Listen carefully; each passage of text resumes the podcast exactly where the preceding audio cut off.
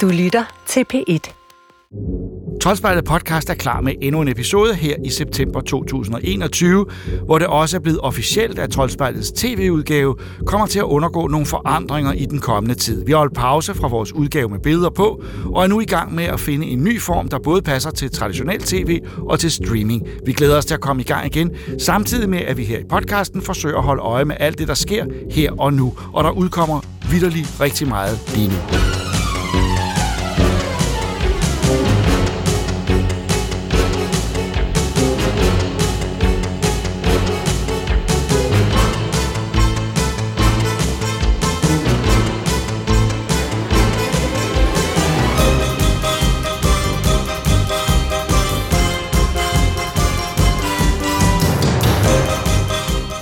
Frank Herberts Dune er en af de science fiction bøger, der har haft en helt usædvanlig indflydelse på hele sin genre. Der er elementer af Herberts idéer overalt, også i Star Wars, men en filmatisering af bogen, det er ikke så lige til. David Lynch var lige ved at knække halsen i 1984, og inden da havde den ekscentriske kunstner Jodorowsky brugt flere år på at forsøge at stable en film på benene. Det lykkedes ikke for ham. Men det til gengæld lykkedes for instruktøren Denis Villeneuve, kendt for Blade Runner 2049 og Arrival, og efter en lang forsinkelse på grund af covid, er den nu endelig klar på et stort biograflærred. My planet Arrakis is so beautiful when the sun is low. Rolling over the sands, you can see spice in the air. The outsiders ravage our lands in front of our eyes.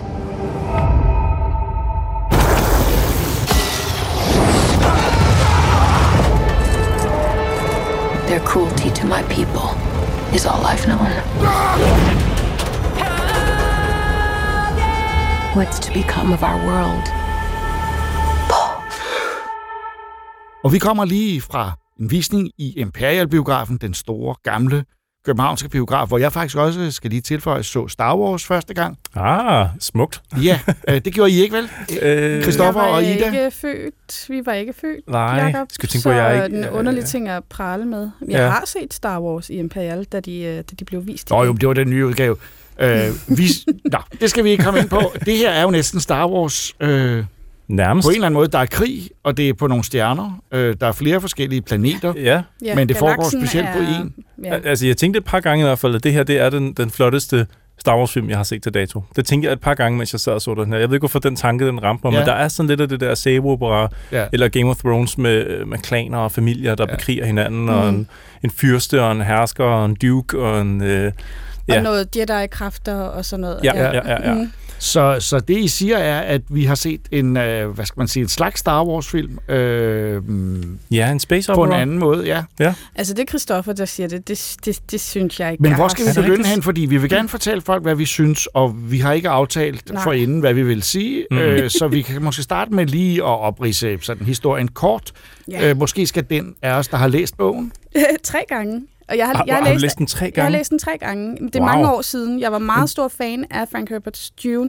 Øh, har læst dem alle på nær den sidste bog, som han selv skrev, fordi der kunne jeg så forstå, og spoiler alert, at øh, planeten Dune ikke eksisterer længere. Så tænker jeg, så, så var der måske ikke den store Mm. grund til det. Okay. Men, Men, men Dune, den første Dune, er jo en vildt kompleks øh, historie, som netop, som du har været inde på, jeg fortæller meget om politik og sådan, men grundlæggende så handler det om House Atreides, det handler om Paul Atreides, der er barn af Leto Atreides, som er, er hertug, øh, og den her familie er af øh, kejseren i i, i deres univers ligesom blevet pålagt, at de skal overtage øh, øh, planeten Dune, hvor at man øh, høster spice melange. Det er et meget værdifuldt, det er det mest værdifulde, værdifulde krydderi i hele verden, fordi det er det, man bruger til at navigere i rummet.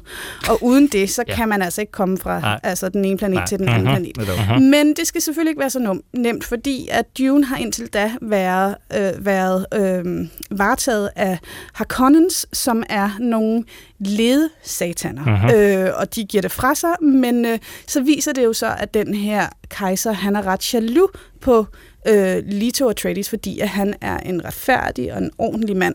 Øhm, og det er ikke så fedt at have sådan en rendende rundt. Så det er jo selvfølgelig bare en del af et spil. Dertil oven i alt det her underlige, så er Leto Atreides, han har en konkubine, som er en Bene Gesserit heks. Bene Gesserit er en sådan Er de hekse... hekse? Er de, ikke, er de ikke bare sådan nogle øh, øh, underlige... Øh, Ja, men det er jo, altså, men det er sådan en, der er nogen, der kalder dem hekse, men det er sådan en slags, det er en kvindeorden, hvor at de Ja. altså har nogle søstre, særlige, særlige egenskaber. Ja, de er i stand til at manipulere folk ved hjælp af, af sprog, og øh, de har nogle the weirding ways, de har sådan nogle mystiske måder at, sådan, at kæmpe på mm. og få overtaget på. Og det er Paul så ligesom afkom af de her to mennesker, og det i sig selv, og, altså, det er en super kompleks historie, kan nok høre, men det er ligesom det, der sådan handler om, den her familie kommer til Dune, og som sagt, så er der mange ting, der går galt, fordi at, øh, at der er en masse rænker og en masse folk, der er blevet manipuleret. Så Paul og hans mor, de ender ude i ørkenen hos fremenerne, som er det folk, der bor på Dune, og som er de eneste, der kan finde ud af at overleve på den her planet, fordi den er nådesløs. Der er jo ikke vand, der er ikke noget som helst, og det bliver op til sådan 60 grader i løbet af en Mhm. dag, og det er jo folk, altså så dør man. Ja. Men de kan altså finde ud af at leve der, og ja, Ja.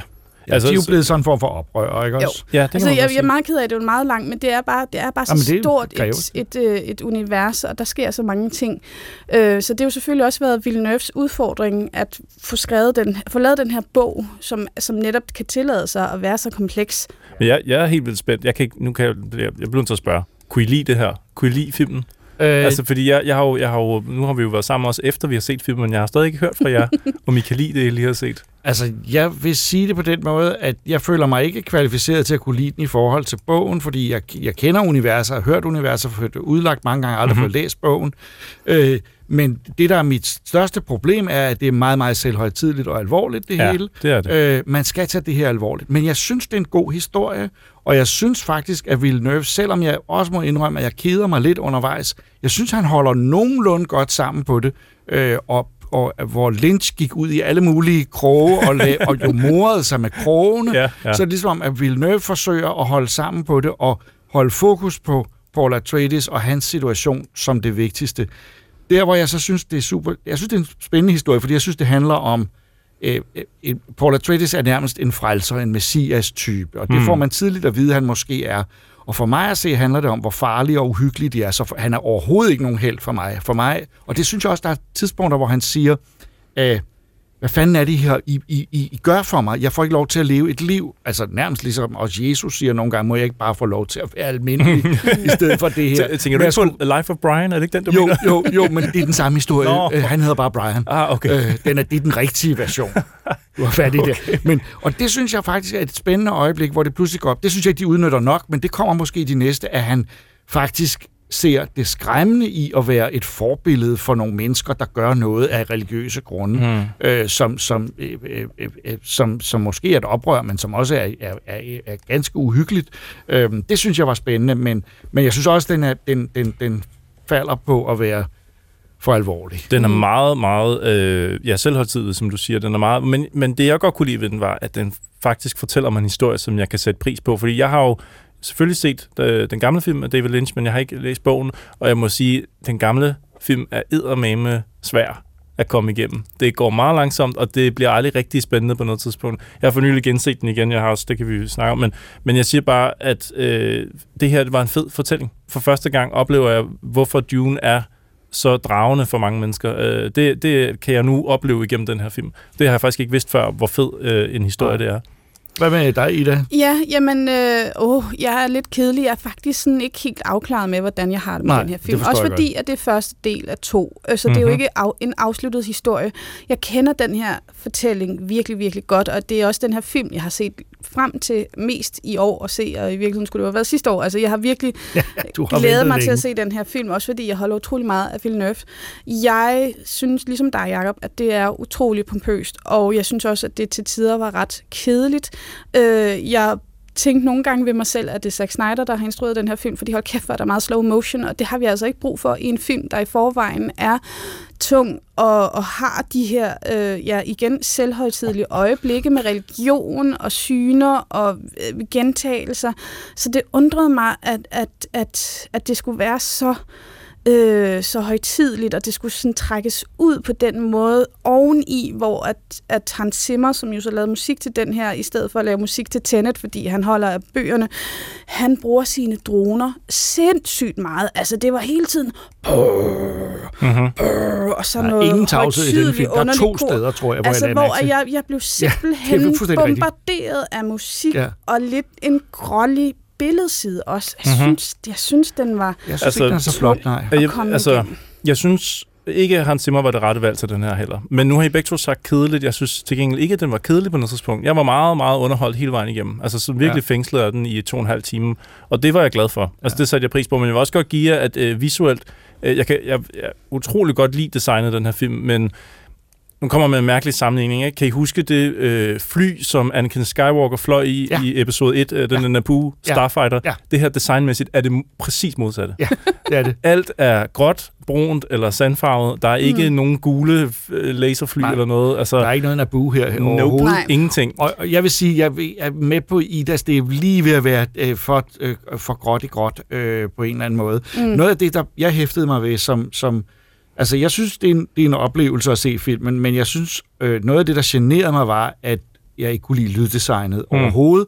Og det skyldes måske nok, at lyddesignere er ved at få en lille smule for meget magt over film. Jeg er ked af det derude, Peter Albrechtsen og andre, der måtte lytte med. øh, vi, vi, nu skal I lige stoppe et øjeblik, fordi her var der, altså det fyldte jo Imperial-biografen, og teknisk set sindssygt flot, men det fyldte så meget, at de grå billeder var ved at falde om og forsvinde på grund af det. Mm. Der var simpelthen, altså det var sådan, så nogle gange var der et fodtrin i sandet, der var, jeg lagde mere mærke til, end det der foregik. Yeah. øh, og, og jeg blev simpelthen til sidst, at- og, og der var ikke, altså jeg savnede lidt Miyazaki-stilhed mm. over den her ørken, mm. for der må fandme da også være stille indimellem. Ja. Men det er der ikke. Der er storm og larm og musik i en stor kakofoni hele tiden. Ja. Ja. Men, altså, men jeg kan alligevel godt lide, at vi har fået... Jeg føler lidt, at vi har fået en popcornfilm, men bare uden popcorn. Jeg føler, at... Øh, altså, jeg føler, at, han, at, at det føles som en film, hvor han har fået lov til at lave sin film. Men Det er det, er, stadigvæk, det er stadigvæk sådan en meget pompøs øh, ja. mega-film. Mm. Altså, så det er, sådan, det, det, det, det er kunsten og det er popcornet, der møder hinanden i sådan en mærkelig blanding. Jeg synes ja. faktisk, det lykkes. Mm. Jeg kan godt lide den her løsning. Altså nu skal det jo så siges, jeg er jo faktisk en af de få, som åbenbart har et meget blødt punkt for David Lynch's øh, Dune, selvom jeg, jeg så den efter jeg havde læst bøgerne, hvilket mm. jo altid er en dårlig ting. Men jeg kunne godt lide hans vision for filmen. Jeg kunne, altså selvfølgelig er den super øh, øh, jappet, fordi at den skal fortælle den her komplekse historie på ganske kort tid. Øh, men jeg kan se, hvad han, hvad han har taget ud af, af filmen, og hvor han har sprunget over og fået det til at fungere alligevel. Og æstetisk var det bare en vildt lækker film, og jeg synes, at Villeneuve har lavet sig inspirere sindssygt meget af den. Det har han godt nok ved at sige, at det har han ikke. Øh, han vil ikke lave den samme film, men jeg synes simpelthen, der er nogle steder, hvor det er en til en. Og det kan selvfølgelig også skyldes, Frank Herbert har været meget grundig i beskrivelsen af, af de her øh, scener i, i sin bog, mm-hmm. og det er taget ud af den. Men jeg synes, det var ret påfaldende, bortset fra, at den så ikke har, Villeneuve's film har så ikke de alligevel lidt spillende farver, som, som Dune rigtigt. i, i David Lynch-udgaven har. Øhm, jeg undrede mig over nogle, altså sådan rent, fordi det er jo en science fiction film. Øhm, samtidig er den også inspireret af noget øh, Möbius i designet, fordi den har mm. det her organiske, og Möbius var jo også tilknyttet øh, Jodorowskis Dune, det er ja, designmæssigt, Ja. øhm, hvor jeg tænker, det er måske taget derfra, og så samtidig var der noget klodset, der er også noget, der ligner totalt en sandcrawler, med, jeg manglede bare, der var nogle javas, der hoppede ud af den. Ja, er Øhm, før, ja. Øh, så, så, så jeg synes, at det er et underligt, øh, uselvstændigt Ja. univers. Villeneuve har så samtidig også været meget fokuseret på at altså, fylde sin film med en masse prominente navne i alle de her roller, som jo har en betydning i bogen. Øhm, og, og lad os sige det, der er nogle casualties, altså der, der, er nogle, der er nogle personer, som ligesom er kort med, og måske kommer med igen, eller i, hvis der kommer flere film. For der er jo en serie, det er jo en række af seks øh, bøger i den her serie, og Frank Herberts søn og Kevin J. Anderson har så jo også skrevet flere bøger til den her serie. nu. Hold da fast. Ja, så der er rigtig meget at gå ned i, men, men han har ligesom bestræbt sig på, at nu skal vi forstå dem. Vi skal stå, forstå bedre, hvorfor det er, vi skal holde af dem her. Men jeg, jeg synes ikke rigtig, at jeg har holdt af dem. Er det rigtigt? Ja. Jeg var Nej. totalt solgt på, øh, på altså, figurerne i den her. Det, det var jeg, det, der var jeg jeg desværre også på Idas hold. Jeg, jeg, jeg, jeg synes ikke, de var særlig engagerende. Og, og der er altså noget ved at en film, som har alvor hele tiden. når det er et eventyr. Ja. Det er lidt svært. Altså, jeg savner... jeg ved godt, det ville have været frygteligt at indføre det, men jeg savner Arthur D2 og C-3PO derude i ørkenen. Ja. Bare nogen, der kan forholde sig til det her. Kig hinanden. Bare en, der på et tidspunkt siger, I've got a bad feeling about Mm. this. Bare Ah. lige præcis. Og det, det er ligesom om, det hele er lagt i så alvorsfulde, som om, som om, altså selv når man ser øh, øh, forhandlinger mellem øh, de værste modstandere i international politik, så, så er der lidt humor Mm. ind imellem, Mm. at, øh, som løsner op for det der fantastisk Ja. alvorlige, og det synes jeg på en eller anden måde tager lidt af troværdigheden fra det. Ja. Øhm, men, men, men som sagt, altså, jeg, jeg vil ikke sige, at jeg synes, den er mislykket. Jeg kan også rigtig godt lide ting ved Lynch, fordi det er lidt mere en Monty Python-film, Mm. med lidt gale figurer, Ja, lidt er vanvid ind imellem. Jamen, den er langt mere ekscentrisk, og det synes jeg faktisk klæder univers. Og han tager nogle langt mere far-out-ting i forhold til at vise de her rumnavigatører, som vi endnu ikke har set. Vi har heller ikke set kejseren endnu. Vi har ikke set Fate Routher, som i- Lynch's udgave bliver spillet af, af, af Sting, som jo ja, bare hvor, hvor gakker skulle han ud. ikke have været med her? Ja, han, han kommer måske også Okay, først senere, så det er også, altså, men han, han er jo en, en, en stor del af bogen, så han Ja. Er nødt til at komme med, og det er, bliver forhåbentlig en eller anden mere. Men igen, jeg mangler noget ekscentrisk, jeg mangler virkelig også den der humor, jeg mangler, at de virker begejstrede for det her univers. Altså det er måske, har vi bare dem er en af dem, som måske har det lidt, lidt sjovt med sin rolle, sådan lidt en Mhm. tilbagelænet, Ja, ja, ja. sarkastisk type, øh, uden at nævne Bautista, hvem. det, Bautista er også ret... Shh, nej, det er han ikke. Nej, synes Nej, jeg han, han, kunne, han kunne, kunne have været sjovere. Ja. Jeg morede mig lidt over hans tilstedeværelse, fordi han har bare en markant... Øh, han, han er, ser ud på en måde, der er Ja. sjov. Ja, ikke ja, også? ja. Men, men, men, så- men man, kan, man kan ikke slippe udenom ham. Når han er på skærmen, så Ja. kan man se, at det er ham. Det, den, ja. Jeg synes næsten, Jason Momoa er den, der er mest begejstret, men hans replikker var nærmest degraderet til kun at sige, my boy, hele tiden. Ja. My boy! Ja. Hver gang han ser Paul Atreides. My boy! Okay. Ja, det er, det er, det er, altså, der er noget, noget, noget forenklende over det, og jeg, man savner lidt uh, nuancer, også fordi min fornemmelse af Dune-universet er i høj grad, at det ikke er klart, øh, hvem der er skurker hvem der er helte, Mm. Øh, og at det i virkeligheden er ligesom... Øh, øh, Altså, jeg er lidt mere fan jo af Asimovs Foundation, som på en eller anden måde gør det samme. Et kæmpemæssigt planetunivers med en masse forskellige figurer øh, og, og, og politisk spil. Det kan, Ja. Jeg synes, det er super spændende. Ja. Det synes jeg også i Star Wars. Øh, øh, men men øh, jeg, jeg, jeg ved ikke rigtig, om det når derhen, at vi får, får, får den der fornemmelse af, at Paul Atreides også godt kan være øh, en, skurk eller en negativ Jamen, figur. det, det synes jeg, fornemmet mange okay. Gange. Altså alene bare i designet på deres kostymer. Jeg mener, han går jo klædt som en, øh, en officer i nærmest den, for, altså, ja, Ja, ja. ja. På, den, på den onde side. Ikke? Øh, hvis han havde været i Star Wars, så havde han jo været ond med det tøj, han har på. Det er jo sorte læderhandsker og sorte kapper. Han ret jo en ung, en ung Ja. Vader. Ikke? Ja. Øhm, ja. Så altså, man kan sige, f- det er lidt svært at anbefale eller ikke anbefale den her film. Jamen, den skal selvfølgelig ses i biografen. Der er ikke en tvivl om, at det her Nej. er en Ja. stor film, og også, også bare for, men det er jo bare en amputeret oplevelse, når vi ikke har altså, øh, begge film. Hmm. Det, syn, det synes jeg i hvert fald, jeg var meget påvirket af. Du at- vil gerne se mere. Jeg vil, jeg vil gerne se mere. Jeg vil Ja. gerne se, hvordan han løfter det her. Ja. Ja. Men, øh, men jeg, jeg savnede altså... Øh, jeg kan ikke lade være med at tænke på Roger Deakins, som jo øh, filmede ja. for, for, for Villeneuve under Blade Runner 2049, som blandt andet var sindssygt smuk, synes jeg.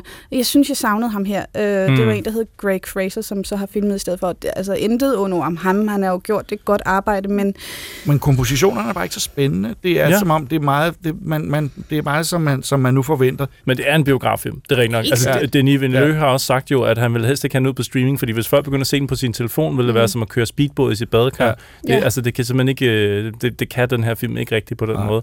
Men jeg, jeg tænker bare, nu ved jeg jo ikke meget om Dune på forhånd, andet end jeg har for nylig genset øh, hvad hedder det, David Lynch version. Jeg vil bare sige, at jeg kan ikke forestille mig, hvordan man skulle have løst den her film meget bedre, end den har gjort. Til, altså den version her.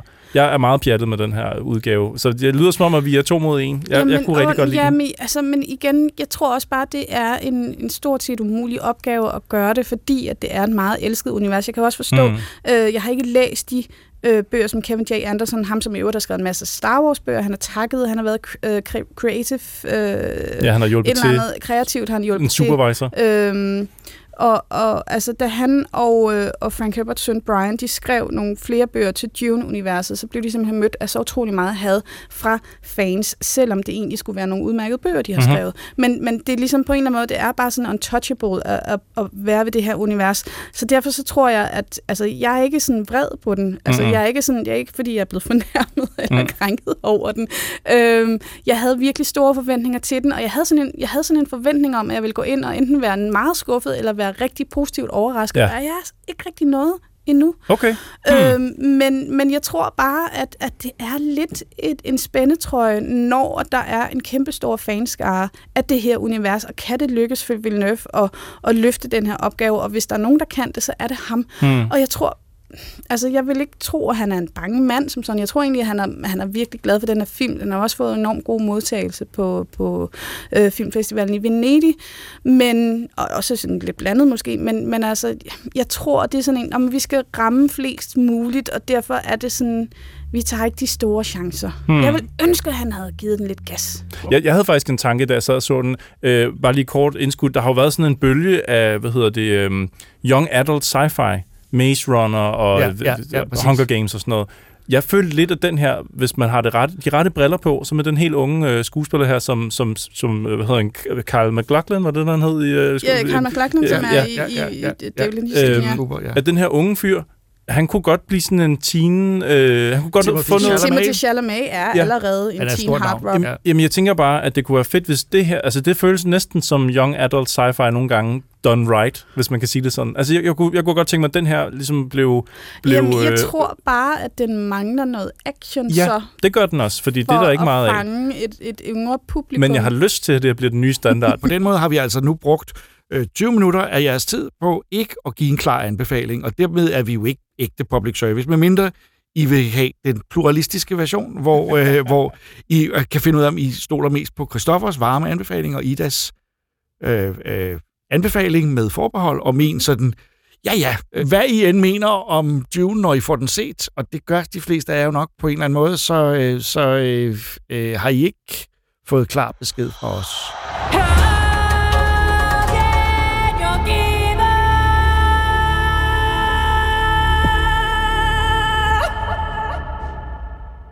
Da iværksætteren Palmer Lucky i 2012 satte gang i den moderne virtual reality-bølge, var forventningerne skyhøje. Man talte om en teknologi, der ville være med til at nedbryde grænserne mellem den digitale og den virkelige verden. Nu står vi så i 2021, næsten 10 år efter, og VR blev i første omgang ikke den revolution, mange havde regnet med. Det har dog ikke forhindret hverken Valve, Facebook eller HTC i at blive ved med at sætte nye, forbedrede headsets på markedet. Det nyeste er fra HTC Vive Pro 2.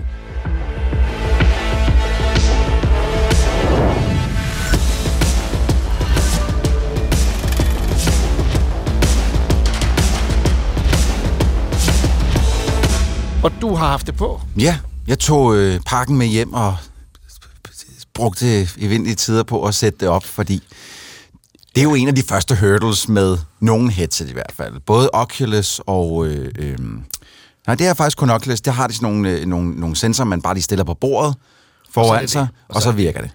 Hvor at, kan gøre det. Ja, hvor både Valves Index og øh, HTC Vives her, lige siden det første Vive, der skal man jo have de der lighthouses, som mm. er sådan nogle små øh, kuber, som man skal sætte op, som sender en masse infrarødt lys ud. i Og det er svært at sætte dem op.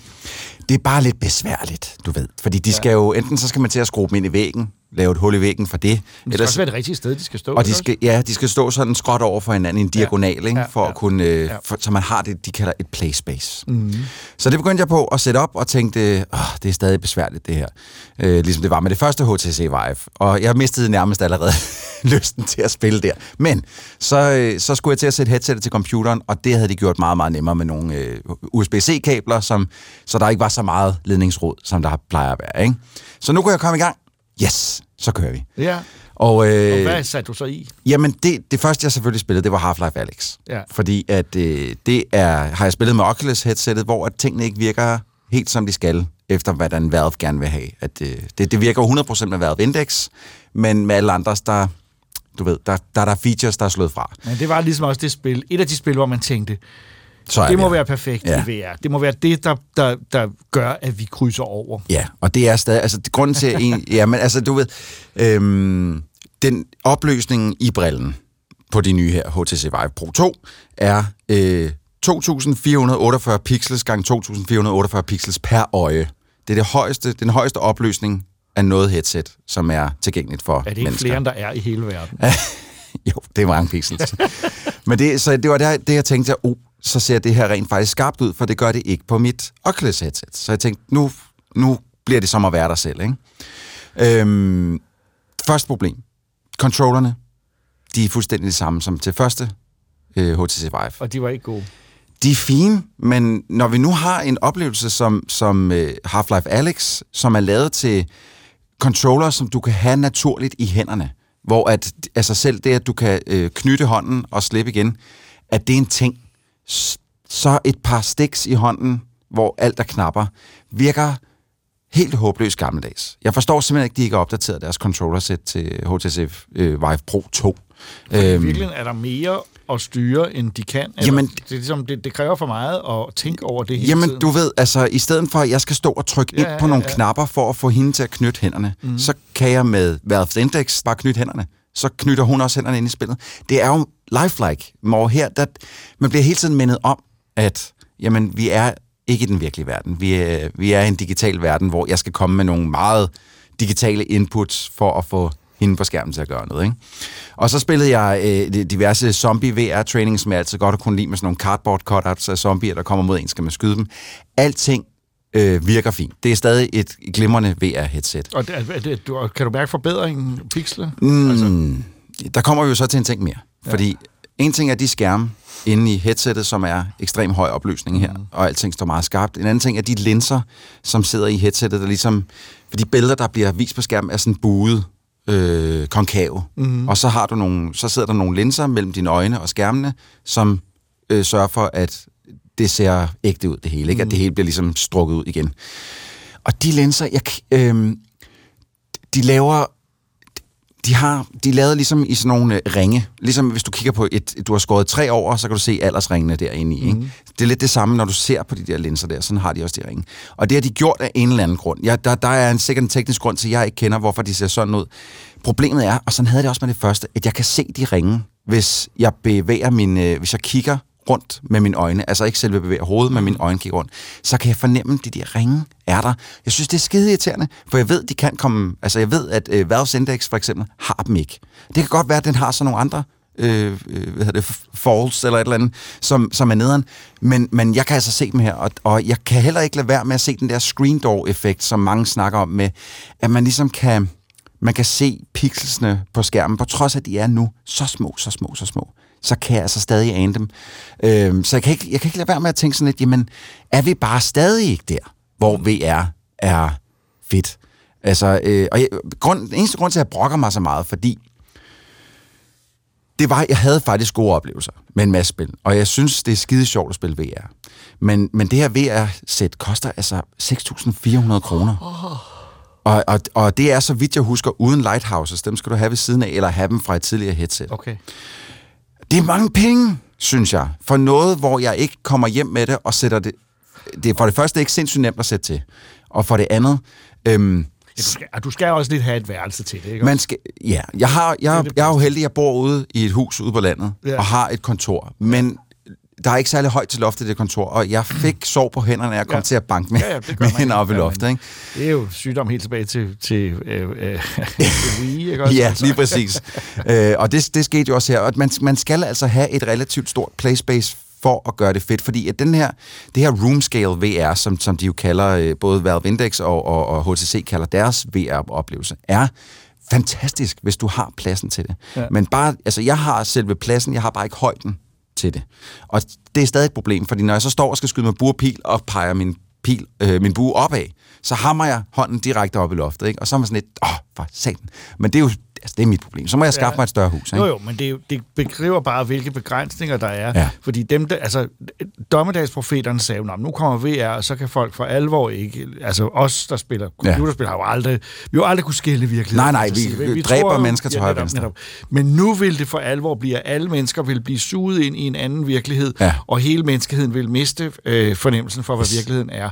Men det, indtil videre virker det, som om der er nogle, øh, nogle hurdles i forhold til det. Du nævner en ret høj pris. Hvad er prisen på de andre? På Playstation Jamen, det, et- jamen det, det er fuldstændig det samme. Playstation er billigere. Øh, Oculus er også lidt billigere? Øh. Oculus koster nærmest det samme. Okay. I hvert fald, hvis man skal have deres helt high-end. Ikke? er- Og indeksen, det er, den er også lige så dyr. Det er ja. også omkring de der Så vi 6.000 ligger i samme pris for ja. de her ting.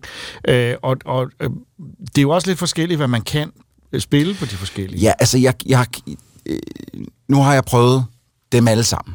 Og jeg kan stadig bedst anbefale Valves Index, fordi at, og det er mest på grund af controllerne, fordi at selve teknologien op i headsettet, du har på, med skærmene, der sidder bag ved øh, opdateringshastigheden og sådan noget, den er god nok på dem alle sammen, men det er controllerne, der er så skide vigtige, øh, for at du kan leve dig rigtig ind i den oplevelse, du øh, bliver præsenteret for. Og der er den, der er den altså ikke god nok på, på HTC så nu. Selv, selv Facebooks øh, Oculus-sæt er de gået videre med nogle touch-controller, som er, altså, føles som om, de er 10 år længere fremme end HTC er med, med de skide controller der. Så det er, altså, det er sindssygt ærgerligt. Det skal man virkelig have i mente, hvis man gerne vil ud at have det her. Må det ikke, der er nogen på vej? Det, øh, forhåbentlig, men det er ikke noget, de har informeret mig om Okay. at der er. Jeg har lige en anden ting også, fordi at, øh, HTC har deres egen øh, spilbutik, der hedder Viveport, hvor du kan gå ind og købe spil. Jeg blev stillet en konto til rådighed, hvor alle spillene var tilgængelige for mig, så jeg kunne prøve lige, hvad jeg har lyst til. Og jeg bliver nødt til at sige, Viveport er en kæmpe skraldespand af lort. Der var, jeg tror, jeg prøvede to spil ud af måske, jeg svæver, 50 spil, jeg downloadede, som var fine. Resten var, føltes som om, de var øh, lavet på tre dage og bare smidt ud, og så kostede øh, 4-5 euro. Så vi er lidt ude i nærmest en, en, en, en på udgiverfronten, en sådan, øh, for nu at gå helt tilbage i historien, en Atari-situation for mange mennesker, der udgiver for meget dårligt. Er det så også med til at på en eller anden måde det, at devaluere hele øh, VR-oplevelsen, at der er for mange dårlige spil? I hvert fald, hvis du kun er øh, klar over, at Viveport eksisterer, at du Ja. ja. ikke har adgang til Steam, eller, eller bruger Steam og køber Ja. ja. spil der, fordi Steam, der er alligevel nogle kriterier, du skal opfylde for at lægge et spil ind. Det skal virke, og det skal, det skal kunne noget, ikke? Altså, øh, Er Vejport noget, man betaler ekstra for? nej, nej, det kommer gratis med headsettet, Okay. men du skal betale for spillene, du køber derinde selvfølgelig. Okay, ja. Og der var, det, det, det var helt utroligt dårligt spil. Øhm, ja, så, så den, den, altså, øh, indtil at de har fået styr på den butik, så holdt jeg langt væk fra den. Øhm, Men selve udstyret har du sådan set, altså kan du sige, det, der er for og imod, og det kan noget. Øh, Det er stadig godt udstyr. Min, min øh, det, jeg brokker mig lidt over, det er, at jeg bare ikke synes, at det har udviklet sig Nok. øh, nok Nej. ligesom de andre har. Øh, især når de kommer med noget, som er dyrt, og som tydeligvis har, altså teknisk er, er pissegodt, så er det bare ærgerligt, at der stadig er visse fejl og mangler, hvor man sådan sidder og tænker, kom nu, det er alle de andre gør det. Hvorfor gør I det ikke Jamen, også? så udsætter vi endnu en gang her i Troldspejlet podcast VR-revolutionen. Vi håber, den kommer.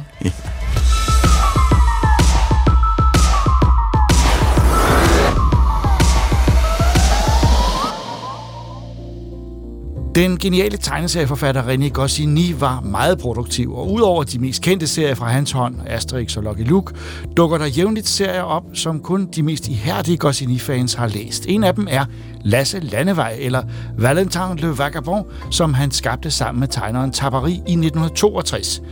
Goscinny forlod serien efter ret kort tid, men Tabari holdt af figuren og universet og videreførte den frem til midten af 70'erne. Nu har forlaget Zoom fundet serien frem og udsendt et album med flere historier i samme bind. Og øh, Ida og jeg har læst Lasse Landevej, en serie, som altså er fra starten og midten af 60'erne, øh, og, og eksempel på mange af de serier, som lige for øjeblikket kommer fra de danske tegneserieforlag, fordi de tænker, her er noget, I godt vil læse. Vil man godt læse det her?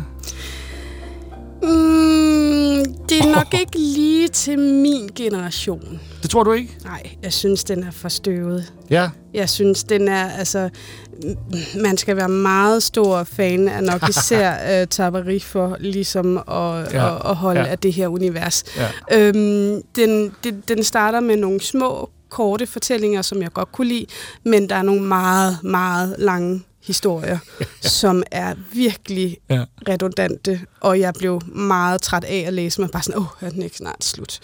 Så øh, det var, ikke, det var ikke kærlighed fra min side af. Det er ikke, fordi jeg ikke kan lide stregene. Jeg kan også godt lide Lasse Landevej. Han er en meget sjov figur, men jeg synes helt klart, at han fungerer bedst på et par få sider, og ikke de her 20-30 sider, som nogle af historierne var. Men Ida dog, kan du ikke se, hvor, hvor, hvor morsomt det er?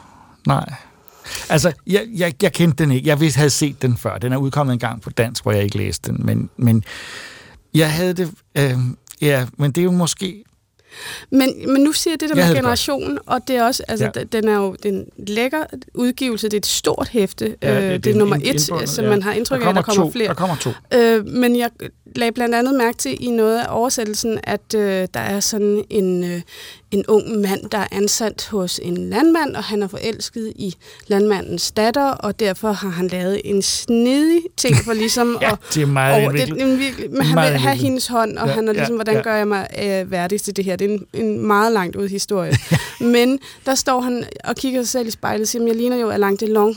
Ja. Og jeg ved godt, hvem Ja, den skuespiller er. netop. En meget smuk skuespiller, men jeg tror ikke, der er mange Nej, på min alder, det der her ved, er hvem det en er. gammel serie, og, Og det- derfor synes jeg, det er okay, at de holder fast i det. Men det er Øh, også, er der, men en det er også der, hvor jeg tænker, jamen de ved godt, at de henvender sig Ja, til ældre læsere, fordi Ja. at hvis de ville gøre den lidt mere jeg moderne, ikke, så de havde de planer fundet et eller andet. Jeg ligner Ryan Gosling, eller jeg ligner et eller andet. ja. Men altså, jeg vil sige, jeg, jeg, jeg har aldrig været vild med Tabaris streg altid, og jeg synes, det er lidt gnidret ind imellem. Men der er bare en helt særlig stemning i Las Landvej, som minder mig meget om øh, franske filmkomedier, Jacques Tati og den slags ting, hvor der sker en masse forviklinger, som øh, nogle gange er meget planlagt af de, af de medvirkende, og meget, meget indviklet, øh, og andre gange sådan nærmest øh, øh, lige ud af landevejen, bogstaveligt talt. Øh, og så er der noget, så der er noget meget øh, øh øh, øh, klassisk fransk over, belgisk over den her form for den verden, det foregår i. Så det, man skal være nostalgiker for at læse det her.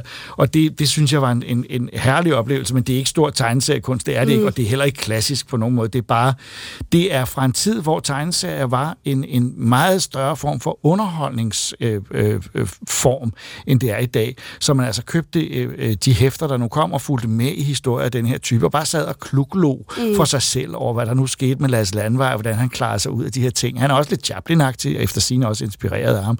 Så den har altså noget, for mig en, en, en utrolig charme i at være gammeldags. Mm. Øh, det, det er ikke en smart ny tegneserie, og den provokerer ingen, øh, øh, men, men plotsene er faktisk meget godt udtænkt, selvom de er vanvittigt indviklet. Der er noget på et tidspunkt med en abe, som optræder, som kommer frem og tilbage. Der er nogle juveler, der, der graver ja. ned.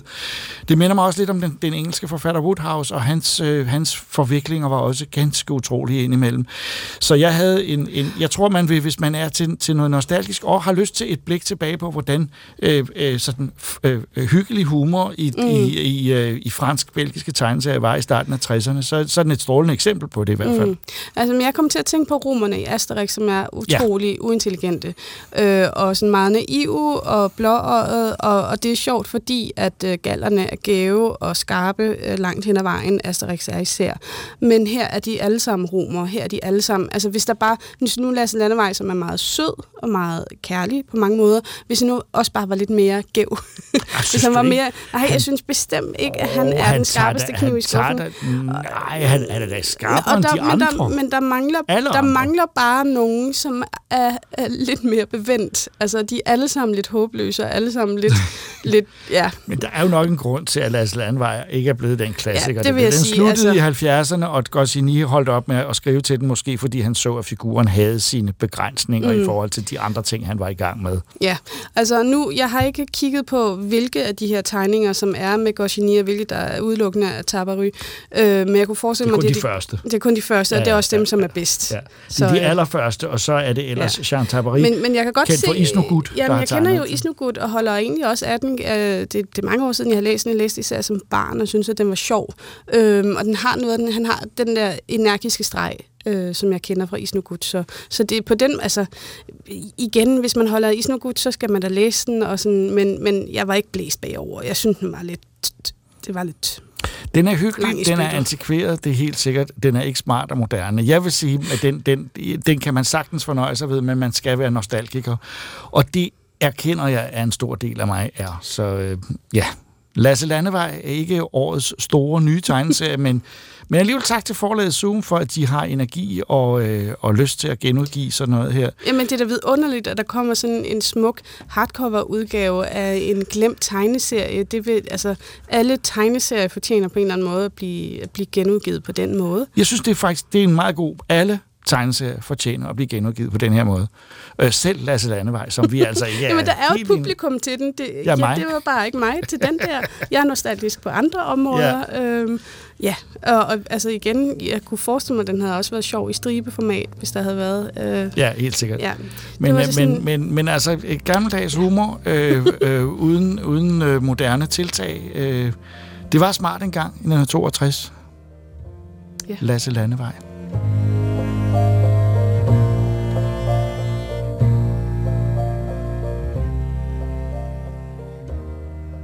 Et nyt Alien-spil kan både være en god eller en dårlig nyhed. Det ved vi af erfaring. Det nyeste foregår efter filmtrilogiens handling, men det er på mange måder lagt op af situationen i Aliens, den anden film, for der er i hvert fald virkelig mange af det klassiske monster, xenomorfen.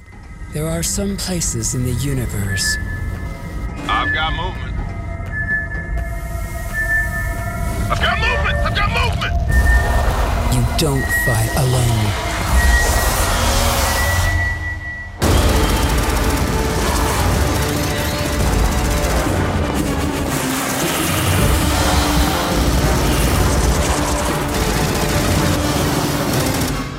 Ja, det er jo et spil med, eller i hvert fald en spilserie med en lidt blakket fortid, Alien yeah. og Aliens. Øh, der er meget få af dem, der har været rigtig gode, men nu er der jo så kommet Aliens Fireteam Elite fra Ja. Cold, Cold Iron Studios. Meget fedt navn til et studie, Cold Iron. Ja. Men øh, Benjamin, du har spillet det rimelig meget. Jeg har øh, sputtet det op og spillet det en lille smule. Ja. Øh, så du ved helt sikkert mere, end jeg gør om det her spil. Ja. Og, og det eneste, jeg er her for, det er til at spørge om spørgsmål og være kæmpe fan af Aliens generelt. Ja. Altså, det, det er jo et, øhm, et co-op multiplayer-spil. Ja, øhm, lidt, i stil med sådan noget Left 4 Dead, Ja. World War C-agtigt, hvor at man øh, skyder hårdere af fjender, mm. der løber hen mod en og gerne vil spise dig. Ja. Eller, ja, Bare ikke helt lige så godt som hverken ikke World lige War C eller... nej. Ikke at det er et dårligt spil. At, altså, øhm, det er meget øhm, standard. At, altså, sådan, det, det gør ikke rigtig noget specielt. Øh, det er ikke fordi, den gør sådan rigtig mange ting virkelig dårligt, bare den gør heller ikke særlig meget rigtig godt.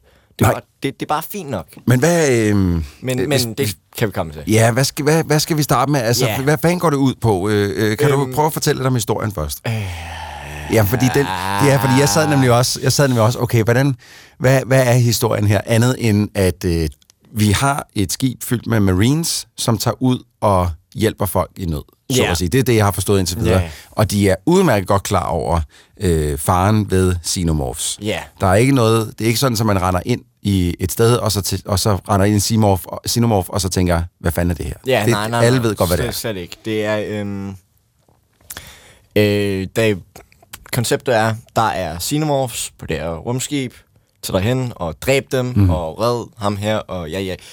Og det er meget basic. Det, det er basically bare... Øhm, der er aliens, og Wayland Yutani er i gang med at gøre nogle lidt grumme ting. Ja. Ja, de finder ud af jo, at de, har, øh, at de, at de prøver at, at afle de her aliens, ja, og det, det de, det. det, det synes de alligevel er noget lort. Ja, det er det. øhm, og det har man slet ikke hørt før. Nej, ja, det er jo den gamle historie. Vi har hørt den Ja. tusind gange, øhm, Øhm. hvor at, at den, er- og den er meget bedre fortalt mange andre steder end Virkelig, her. ja. Øh, men som du siger, øh, og som jeg også vil være til dels enig med dig i, det er jo ikke et dårligt spil. Nej. Øh, fordi at shooting mechanics og sådan noget, det virker jo fedt. altså, og- lyden og- er og- rigtig. Lyden er rigtig, øhm, når Xenomorphs laver deres lyd, Ja, ja. Ikke? Altså sådan det, øh, og pulse rifles. Og alt det Ja, der. de lyder altså, fedt. Det, det, det lyder fedt, men, men, men det, det er som om, der mangler et eller andet, øhm, som man ikke rigtig kan sætte sine fingre på. Ja, jeg. altså jeg, jeg, jeg, jeg, jeg havde nogle tanker, da jeg sad og spillede, hvor den første, ja. Ja. det var, at da, dengang jeg så Aliens første gang, så sad Ja. jeg, jeg blev, altså, det, Xenomorphs er noget af det eneste på, øh, på filmladet, der har skræmt mig så meget. Ja. Øh, og det var, gjorde jeg, de skræmte mig ikke kun, fordi jeg synes, de så farlige ud, de skræmte mig også, fordi de var enormt smarte. Ja, ja. De er ikke særlig smarte, de her spil. Nej. Der kommer de ud et sted fra, måske to, og så vælter de bare frem, og så, Ja, ja, så det er ja. bare sådan en shooting gallery. Ikke? Det det. En ting, der irriterede mig rigtig meget faktisk øhm, i, i, i alle missionerne, jeg prøvede, det er, når man først har fundet ud af, når øh, der kommer de, de har det med at komme ud af et hul her, eller Ja, et, ja, hul, ja, et ja. hul i loftet, eller et hul i siden. den her vej her. Så, så vælter de bare ud der, og så kan du sådan set bare stå, træne dit, øh, dit Ja, ja, ja. sigtekorn derpå, og så bare Ja. stå brr, brr, brr, Det det. og skyde dem, når de kommer ud. Det Øhm. forstår jeg ikke helt, hvorfor det skal være så, øh, så, så firkantet. Jamen, det, det, det virker lidt for nemt nogle gange. Øhm, jeg vil faktisk anbefale det at spille det på en lidt sværere sværhedsgrad. Øhm, bare fordi, at, at så kommer der lidt flere, og det Og de skal have det er lidt flere skud. Ja. ja, det er det. Øh, og og det, det er generelt på den normale sværhedsgrad lidt for nemt, synes jeg. Ja. Øhm, men, men der er også det her med, med levelsene er sådan meget sådan, så er der en gang, og så er der et rum, hvor du skyder en masse aliens, så er der en gang, hvor der kommer et par aliens, og så er der et til rum, og så er der en gang, og så er der et til rum, og, og, og så er missionen færdig. Ja. Ikke? Altså sådan, Ja, du går fra en gang ind i en arena, hvis man kan Ja, kalde det det, det, hvor det oh, der er, her kommer det til. Lige når det kommer ud, hvor det ligesom Nej, åbner nej, det op, så ja. ved man, der kommer en stor kamp. Jamen, jamen de, siger, de, de, de siger swarm coming, Ja, ja, og ja. alt det der, ikke? Øhm, øhm, og så noget andet er også, hvordan at, at altså, Alien har jo de her virkelig sindssyge environmental Mhm. mm-hmm. designs her, ikke? Og det kan man også se lidt af her, men, men det er sådan meget, øhm, sådan, enten er der et rum, eller, eller en bane, eller et eller andet, som der ser virkelig flot ud, og, og som, hvor man faktisk lige stopper op og lige kigger, mm. eller så er det bare gangen, Ja. og, og, og virkelig kedeligt. Jamen det er, fordi det synes jeg, altså, i, i, det, det lyder som om, vi hejler meget ned på spillet lige nu, men Ja, det er fordi, ja. det er jo fordi, at, at Alien er jo en, en, øh, en, en franchise, et, Ja. et, et, som er speciel, fordi er at det. den, øh, de gamle film er så fantastiske. Ja. Og, og, men jeg føler også lidt, det holder dem lidt tilbage her. Jeg næsten ønsker, at Ja. de ikke, ikke havde valgt, at det her spil skulle være et Alien-spil, fordi Ja. lige pr- præcis fordi det er et Alien-spil, så er de nødt til blandt andet i mange af banerne at holde sig til, til rumskibsgange og, og korridorer og Altså, sådan man noget. får og det, faktisk det noget, kedeligt. vari- man får lidt Man får variation senere. Man, man, man kommer ned øh, på planeten der, hvor det er sådan lidt øh, men der- Prometheus-agtigt. Ja, og der har vi lige et problem, når det gælder mig i hvert fald, fordi ja. at jeg hader Prometheus. Det er øh, simpelthen det værste, der er sket i hele ja. Alien-universet, hvis du spørger mig. Altså- Men, og, der, det- og derfor så tænder jeg bare ikke på de locales. Altså, Ja. der, jeg vil... Det, det vil jeg næsten ønske, at det havde været en, at de bare havde fundet på en franchise selv, eller hvad hedder det, fundet Ja. på noget selv, i stedet for at putte det i Aliens-universet, sådan så, at de ikke var så fastlåste i, hvad vi har set før. Al- Altså, jeg vil nu sige, at selvom jeg er enig med dig at, at Prometheus er en lidt ikke så god film, øhm, øh, så havde den stadigvæk nogle ret fede environmental design. Så det får man også her med sådan nogle kæmpe mm. sådan stenhoveder mm. i lokaler og, og alt sådan noget. Ja. Men, øh, og, og man får jo også nogle af de der lidt mere hive-baner der Ja. og sådan noget, ikke? Men, øhm, men, men, men den bruger ligesom ikke Alien til sit fulde potentiale. Nej. Øh, og den gør heller ikke rigtig noget andet, føler jeg, som, som der ligesom gør det værd at bruge alt for meget tid på, hvis man har noget andet, man måske kunne lave, Ja. ikke? Altså sådan, øhm, Fordi du har også du har jo fire ja. klasser, du ligesom kan vælge at spille Det imellem. Ikke? Og jeg synes, med øh, igennem de sidste 10 år eller sådan noget, så er der, hver gang der er kommet spil ud, hvor der har været klasser, så har udviklerne generelt været rigtig gode til at distinguere de her klasser, Ja. så man virkelig kan se, jamen det der, det er heavyen, det der, det er... Men her, der ligner de alle fire hinanden. Nej, og de har heller ikke rigtig nogen personlighed, synes jeg. Altså, når man ja, tænker ja, ja, tilbage på Aliens med Vasquez og alle de andre, ja, ja. som havde nogle, alle sammen nogle meget klare, stærke personligheder, så mangler der lidt her, hvor man sådan tænker, "Nå, men det kunne de da sagtens have lagt oveni, for vi ligesom yeah. os, der sidder bag skærmen, øhm, lidt nemmere havde, havde lidt nemmere ved ligesom at, at em, øh, have empati med de her, vi sidder og ser, som, det. som er lige ved at få tæsk lige nu. Øh, Ja, ja. nogen, ikke? Det, gæld, det nytter så heller ikke noget, når man spiller alene, så er det bots, som Ja, ja, er bot. Og, ja, og når jeg det siger er. bots, så er det også inde i spillet, at det er de der øh, Øh, androider. Ja, ja, det er det. Ja. Og, og apropos øh, synths, som Ja. man jo kalder dem, øh, man skyder også på dem Ja. senere. Nå, ja, der er jeg så langt, så, at jeg så, så, der, ikke så noget. der cover shooting, hvor man skal skyde. Øh, de, de, og det er, nej, det, det er faktisk, det er bare dårligt. Ja, det er sjovt med det cover. det- Øh, Jamen, jeg- jeg glad for, at du forstår nævner ikke- det, fordi jeg, jeg ikke, brugte det overhovedet ikke. Jamen, jamen det kommer. Ja. Og det, det er der, fordi at på et tidspunkt skal man skyde mod nogle robotter, Ja. øh, som der selvfølgelig skyder tilbage på dig. Og det er noget det mest kedelige. Nå. Fordi er det ikke nok med, at de er snot dumme, at, altså sådan, nogle gange så står de bare, det oplevede jeg faktisk også med nogle af aliensene. Ja. Øhm, Ja, så sidder jeg ligesom fast på et hjørne eller et eller andet. Så, Ja, ja, specielt spætterne oplevede jeg rigtig ja. Meget bare stod og ikke faktisk spyttede ja. på mig, som ja. De jo skulle. Men, men de står, og så går de i cover, men de er slet ikke i cover, og de kunne Og nogle gange oplever jeg, at de løber lige forbi mig, Mhm. for at skyde på en af mine venner, selvom de snilt bare kunne ja, skyde på mig. ikke? Altså, og, og, og alt sådan noget. Og, og så det værste ved det hele, det er, at de, de er bare nogle bullet sponges. Ja, Altså, men, men tømmer magasiner ind i dem. og der sker ikke. Og, og det er ikke sjovt. Nej, det, jeg synes, du, det, du, synes, du rammer noget rigtigt her. Fordi at, øh, mens du forklarer det der med, med, med, med, med øh, de der androider, og, og, altså med bullet sponges, så synes jeg, der, der, der var lige noget, der gik op for mig. Det er, at det her spil, i al den tid, jeg spillede det, er aldrig rigtig gået hen og blevet rigtig sjov. Altså, Ja, det er det. Jeg sidder og spiller det ikke af pligt, så langt vil jeg ikke gå, Nej, gå nej, og sige, nej. men, men fordi jeg er kæmpe fan af Alien-universet, Ja, ja, ja. og fordi, altså, igen, de har jo ramt øh, scenerierne ret godt Ja. i forhold til, hvordan, øh, hvad hedder det, de Sovlaki og Sovlako, og jeg kan, ikke lige, lige nu kan jeg ikke lige huske, hvad skibet er. Ja. Det er noget hen af. Hvordan rumskibet ser ud, både inden Ja. og ude, udenpå. Øhm, så, så jeg sidder jo og nyder og tager de her billeder ind, men, men gameplayet, der, det halter altså lidt der. Ja, det er det. Og, og, og, men, men, men på den anden side, så virker det heller ikke, som om det har været så dyrt et spil, det her, at lave. Nej. Så det er også, det er jo, det, fordi det er jo ikke dårligt, det er bare sådan en mærkelig mellemting. Det er, en- det er Jamen, en jamen, jamen, det, det, 5, 6, 7'er. det er fint nok. Ja, det er Altså fint nok. sådan- Og, og, og hvis et spil bare er fint nok, Ja. og der er masser af andre spil, altså sådan for eksempel, hvis man vil spille et Alien-spil, så hvor fanden bare spille Alien Isolation? Al- Ja. Altså, fordi at, at det, det er på alle måder, at, altså sådan, det er sådan et Alien-spil skal være. Fordi Ja. ja. det, det føles som om, man spiller Det, det, var jo, filmen. det var jo et spil, Altså jeg ikke... Jeg kunne, og jeg kunne ikke komme igennem det. Ikke fordi det var for svært. Ikke fordi, at jeg kedede mig.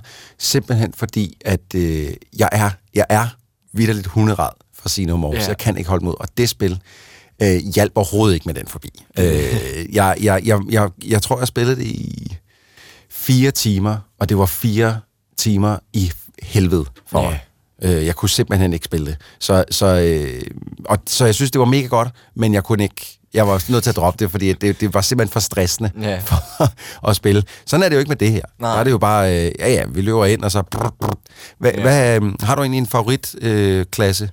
Øhm, jeg vil nok foretrække den der heavy der med, Ja, fordi det med smart gun. cannon, Ja. smart cannon og flamethrower og sådan noget. Ja. Det, synes, det, det synes jeg er sejt.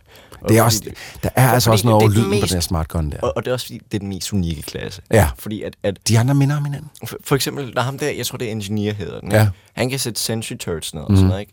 Øhm, sagen er bare, man kan godt på de andre klasser også. Så kan du samle Sentry Turrets op i kasser ja, ja, og sætte dem og op. sætte dem. Ja. Så hvorfor? Men det igen det, de mangler ligesom at, for, at de er forskellige nok, de Ja, her det er klasser, sådan så at man ligesom... Øh, jeg spillede det lidt online sammen med folk, jeg ikke kendte, som gjorde det Ja, ja, ja. ja. lidt sværere at arbejde sammen, men, men, øh, men jeg synes heller aldrig rigtigt, at vi øh, fandt en, et godt samarbejde. Ja. Fordi vi kunne ikke rigtig finde ud af, hvordan skal de her fire klasser komplementere hinanden. Ja, nam, nam, jeg synes heller ikke, rigtigt, at, at det føles som om, at, at samarbejde var sådan, så meget nødvendigt. Nej. Altså selvfølgelig skulle man nok bruge nogle venner til at skyde alle de her hårder, der er, men det var ikke sådan fordi, at, at, at det var sådan, at inden et, inden et, et count, øh, inden at der kom et en- encounter, at man sådan ligesom skulle øhm, sådan rigtig planlægge, okay, de kan komme herfra, så sætter jeg en turret her, og jeg jeg jeg Nej, man ender bare med at sætte den foran, så, så, så Jamen, er det er det. Man, man sætter sig bare i stedet, og så trykker man på knappen, og så kommer de, og så Ja. skyder man dem, og så Ja. overlever man måske, hvis ja. man skyder Ja, jamen jeg, jeg kunne ikke være mere enig, øh, Benjamin. Nu har vi siddet i 10 minutter, Ja. og, og, og det har lyttet som om, vi har været rigtig, rigtig onde ved det her Nej. spil, fordi det er rigtig dårligt. Det er det ikke. Det er det. Det, det er fint nok, og jeg vil faktisk sige, at øhm, hvis det er, at man virkelig sidder og mangler et eller andet at spille, ikke? Mm. Og, og man virkelig sidder bare og keder sig, man aner ikke, hvad man vil lave i weekenden eller et eller andet, ikke? så er det her fint nok til Ja. Øhm, men jeg vil nu sige, hvis man skal købe det, skal man nok vente på et udsalg eller et eller andet. Fordi at, Ja, jamen jeg har det egentlig lidt på samme måde, Benjamin. Jeg har det lidt sådan, at jamen, på den ene side, så vil jeg gerne have, de måske lige... Jeg kunne godt tænke mig et par patches til det, der lige yeah. fikset lidt på den der AI der, for jeg synes godt nok, at fjenderne er for dumme. Øhm, nummer to er, at jeg synes også, det her er et spil, der kræver, at man spiller det sammen med andre. Du, altså, Ja. det at spille alene, det er simpelthen hul i hovedet. Det har, der er ingen underholdningsværdi i for, for mig, når jeg spiller alene. Jeg, vil, jeg, det, jeg skal spille det sammen med andre, ellers ja, Ja, ja. ja. så gider jeg ikke sætte mig ned og spille det. Altså selvfølgelig, sådan er det med alle co-op games, så man er sammen med Nå, men der er nogle co-ops, hvor du ved, hvor der kan man godt få Ja, noget ja, sjov ud af at ja, spille ja. det med nogle bots, altså fordi de, de er smartere, klogere, de bots der. Ja. Ja. Men øh, når det så er sagt, så, så øh, hvis der er noget, vi ikke har kunnet lide af Patrolspejlet, så har vi jo tit sagt, man skal vist være virkelig stor fan. Her vil jeg Ja. faktisk sige, mm, man må ikke være for stor fan af Alien-universet, fordi der, der er for mange, sådan ligesom, hvor jeg sidder og tænker, "Men det her, det, bare, det passer ikke ind i, øh, Ja. med, hvad vi kender fra filmene og sådan noget. Så øh, hvis man er medium-fan af Alien-universet, Ja. og godt kan lide en nogenlunde shooter, så, og, og som du selv siger, mangler lidt at bruge tid på. Det er jo, Ja. Vi er jo lidt i en drought lige nu, øh, en tørke. Øh, hvad gælder spil, de kommer lige om lidt, så går det fuldstændig bananas. Men, Ja. øh, men hvis man sidder lige her nu og tænker, "Jamen, jeg har sgu ikke nogen spil at spille, så er det ikke verdens dyreste spil at gå ud og købe. Og, øh, og der er underholdning at finde. Det er det. Ja. det. Det er ikke dårligt. Det er bare... Det kunne være meget, meget, meget bedre.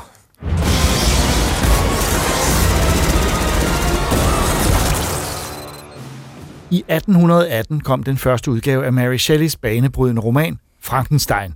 Den har som bekendt affødt mængder af filmatiseringer, tegneserieudgaver og andre værker, hvoraf langt de fleste fortolker historien meget frit.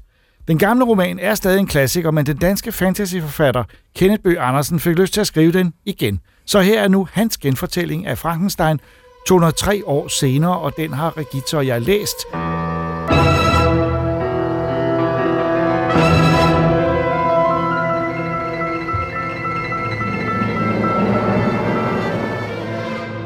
Det er jo en god historie.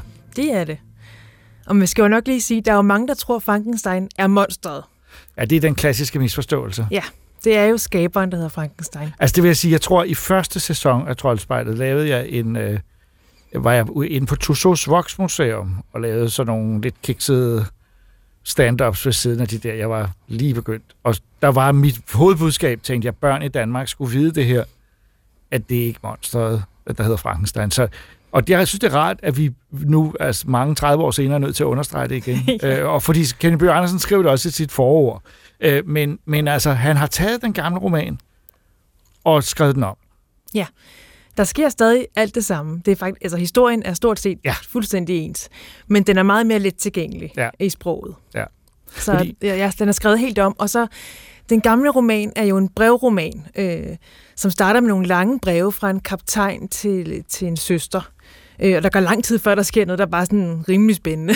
og det har han klogt nok valgt at, at skrive lidt om og, og skære ned på. Nu siger du klogt nok, fordi du er altså sådan set fan af, at den har fået denne her... Jeg vil sige, han har jo ikke moderniseret den. Det er Nej. stadigvæk meget klart. Den foregår øh, blandt de her mennesker i øh, 1700-tallet, Ja. øh, og den, øh, den, man har ikke, og, og deres dia- dialogen er ikke peppet op til smart, moderne dansk. Og jeg, oh, de, jeg synes, de taler noget mere almindeligt, end, end Ja, de gør i den gamle. Ja, Ja. det synes jeg helt sikkert, de gør. Og øh, jeg har faktisk læst, at Mary Shelley oprindeligt startede historien ved kapitel 5, men så mente hendes mand, den skulle være længere. så, så, typisk. så alt det der, der er inde, og alt Victor Frankensteins øh, frygtelig lange forhistorie, den, øh, den er sådan blevet sat på efterfølgende, ja. og det, det har Kenneth Bjarnersen så valgt at sige, okay, det er faktisk mere effektivt, hvis det lige bliver, bliver Men mindre. er det stadig hendes historie? Altså jeg vil sige, jeg synes jo, at jeg læste faktisk den gamle version her i sommer, øh, for første gang siden for 30-40 år siden. Og jeg synes, den var meget kedelig første gang. Mm. Øh, jeg kæmpede mig igennem en meget flot udgave, der kom med Bernie Wrightons tegninger. Øh, men det var, det var meget, og nu synes jeg faktisk, det var fremragende. Men jeg tror også, jeg har vendt mig mere til at læse øh, gammeldags sprog, for det er gammeldags, og det er en brevroman, lig, ligesom Dracula faktisk, mm. af Bram Stoker, der også er en af de der romaner, hvor alt er i brevene. Og jeg synes, den gamle bog er fed, og jeg synes umiddelbart ikke, den har brug for det her. Men jeg kan godt se, at til et moderne publikum, der er der brug for at få skåret tingene lidt ud i pap, ikke også? Det er jo også det, han gør, fordi for mig at se, at det jo slet ikke historien om et uhyre, men en historie om et menneske, der, der, der, der begår en forfærdelig fejltagelse i sit liv og Mm. hjemsøges af den. Og jeg synes også i hans udgave, at den er vildt uhyggelig. Ja. Altså det er virkelig en spændende, uhyggelig bog, hvor døden lurer bag hvert et hjørne. Kenneth Bernersen har så også, og det er jo typisk ham, han har virkelig skruet op for de blodige detaljer i Jo, sin jo. egen version. Jo, jo, jo. Det er der ikke særlig meget af i Mary Nej. Shelleys. Nej. Men han har for eksempel, så er der en tjenestebil, der bliver hængt for et mord, hun ikke har begået. Ja.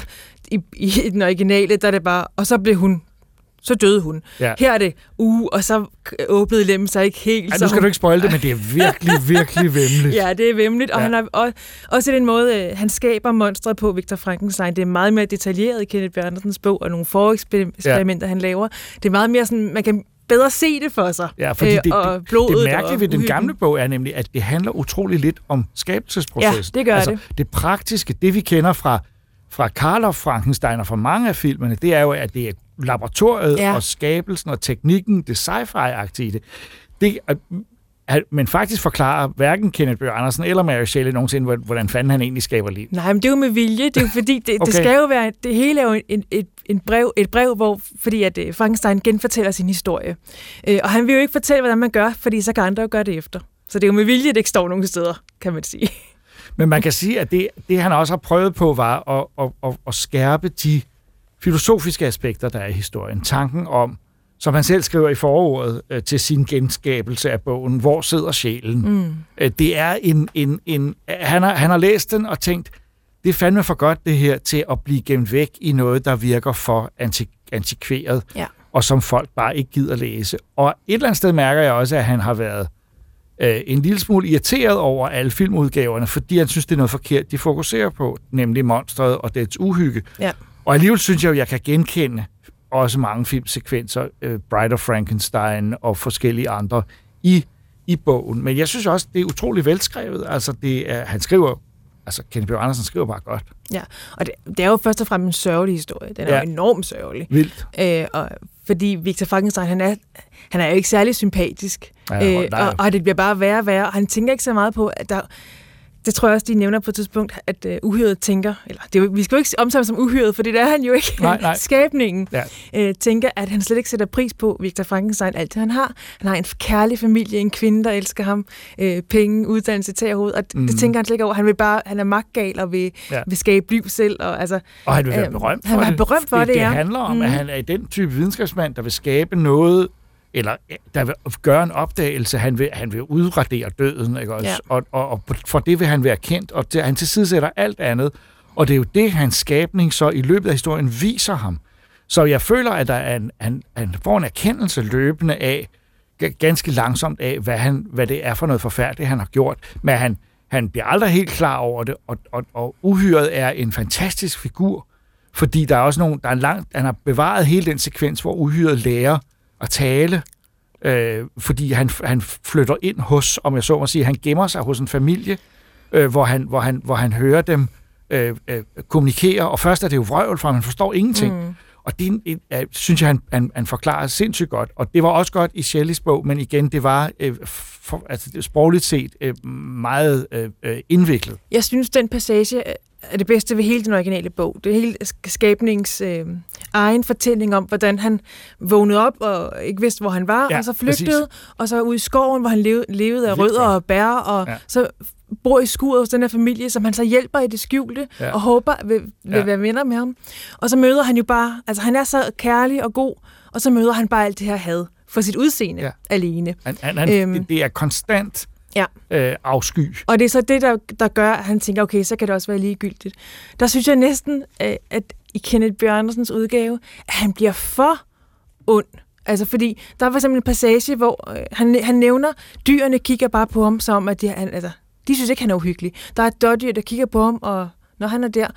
Og så da han så oplever alle menneskenes had, så kværker han det her dårdyr. Og det, det giver ingen mening for mig, fordi hvor, i den originale bog, der har han ikke et ondt væsen, der, der vil skade uskyldige øh, øh, dyr eller brænde huset ned, bare for at ødelægge. Han, han myrder kun, øh, fordi han er så skuffet over det Frankenstein har gjort, Ja, og, så og for at han skade sig, ham, for, at også? ha, Altså, for at ja. hævne sig på ham. Ja, altså han myrder, us- vi kan jo godt afsløre, at han myrder uskyldige for, med det Frankenstein, Det for at gøre han ham ondt. skade, Ja. ikke også? Øh, det kan godt være. Han har også lavet lidt om det. Indrømmer han, at der er et fint efterskrift, hvor han fortæller alle de ting, han har lavet om. Der er personer, han har skrevet ud, fordi han ikke synes, de var nødvendige, og skrevet dem ind på en anden måde, og der var også noget logik et sted, han ikke var enig i. Altså et eller andet sted er det jo blasfemi at skrive en bog om. Altså at skrive den en gang til. Men jeg synes, øh, det foregår øh, i fuld åbenhed. Man ved, det her er en andens bog, han skriver om, og han gør det i kærlighed til den bog, fordi han netop siger, at den er bedre, end man husker den, øh, ja. Eller den er kendt for. Fordi jeg har den indbegrebet, at den er kedelig. og det synes jeg ikke, den er, for jeg har læst den. Øh, og jeg synes, begge versioner er virkelig gribende. Ja. Øhm, så øh, hvad siger du? Øh, hvad for en af dem skal man... Skal vi sige, hvad for en skal man læse? Det kommer an på, hvordan man er vant til at læse, altså, fordi den er tung, den gamle, især i starten. Altså, man skal igennem ret mange lange breve, for at komme til noget af det, der sådan, øh, er spændende. Og sproget er bare antikveret. Jeg vil så også sige, at monstret er meget mere veltalende i den gamle. Altså, Ja. han taler lige så f- flydende og Ja. kunstværdigt. Ja, der har Kenneth Bøge øh, Andersen givet ham sådan nogle mærke. Han laver nogle mærkelige Ja, øh, bogstaver, ind ja. i det, så det Ja. virker som om hans, hans stemme og hans den går lidt i en form for sådan en skæv overgang Ja, ind imellem. og der er sådan mange punktummer, altså han holder pauser hele Ja, tiden. ja. Det, det gør, altså i, i bogen, den gamle bog, kan du slet ikke se forskel på, på, øh, på ham og menneskene, øh, på den måde, de taler på. Så jeg synes faktisk, at monstret er lidt mere elskeligt i den gamle version. Ja. Jeg, jeg holdt mere af ham. Men du siger, man skal være, man skal være meget klog for at læse den gamle udgave. Man fordi skal- jeg kan nemlig Ja. bedst lide den gamle kan- udgave. Ja, det Nej, det, jeg siger. jeg kan bedst lide begge dele. Men jeg vil sige, jeg synes, man skal læse dem begge to. Ja, sikkert. fordi, og, og, fordi de har øh, øh, det er den samme historie, men der er alligevel... Og det holder ikke op med at være en god historie. Nej, det gør det ikke. Den, den fungerer stadig fuldstændig. Og jeg er rigtig vild med de der blodige detaljer, han har tilført. Altså, han lige har penslet det lidt mere ud, hvordan han skaber med, at dyr og mennesker skaber væsenet. Og, altså, der, der er lidt mere fede detaljer, hvis man kan lide den slags. Ja, det synes jeg jo var lidt for meget, fordi det skal jo ikke være for blodigt. Det kan ikke blive for blodigt.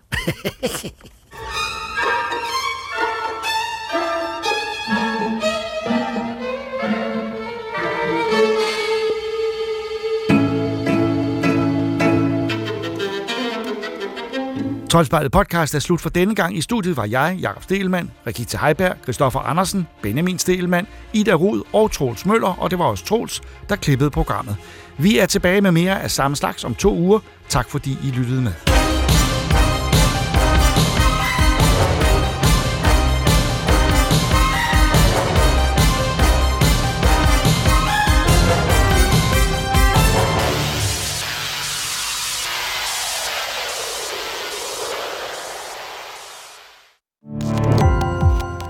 Gå på opdagelse i alle DR's podcast og radioprogrammer. I appen DR Lyd.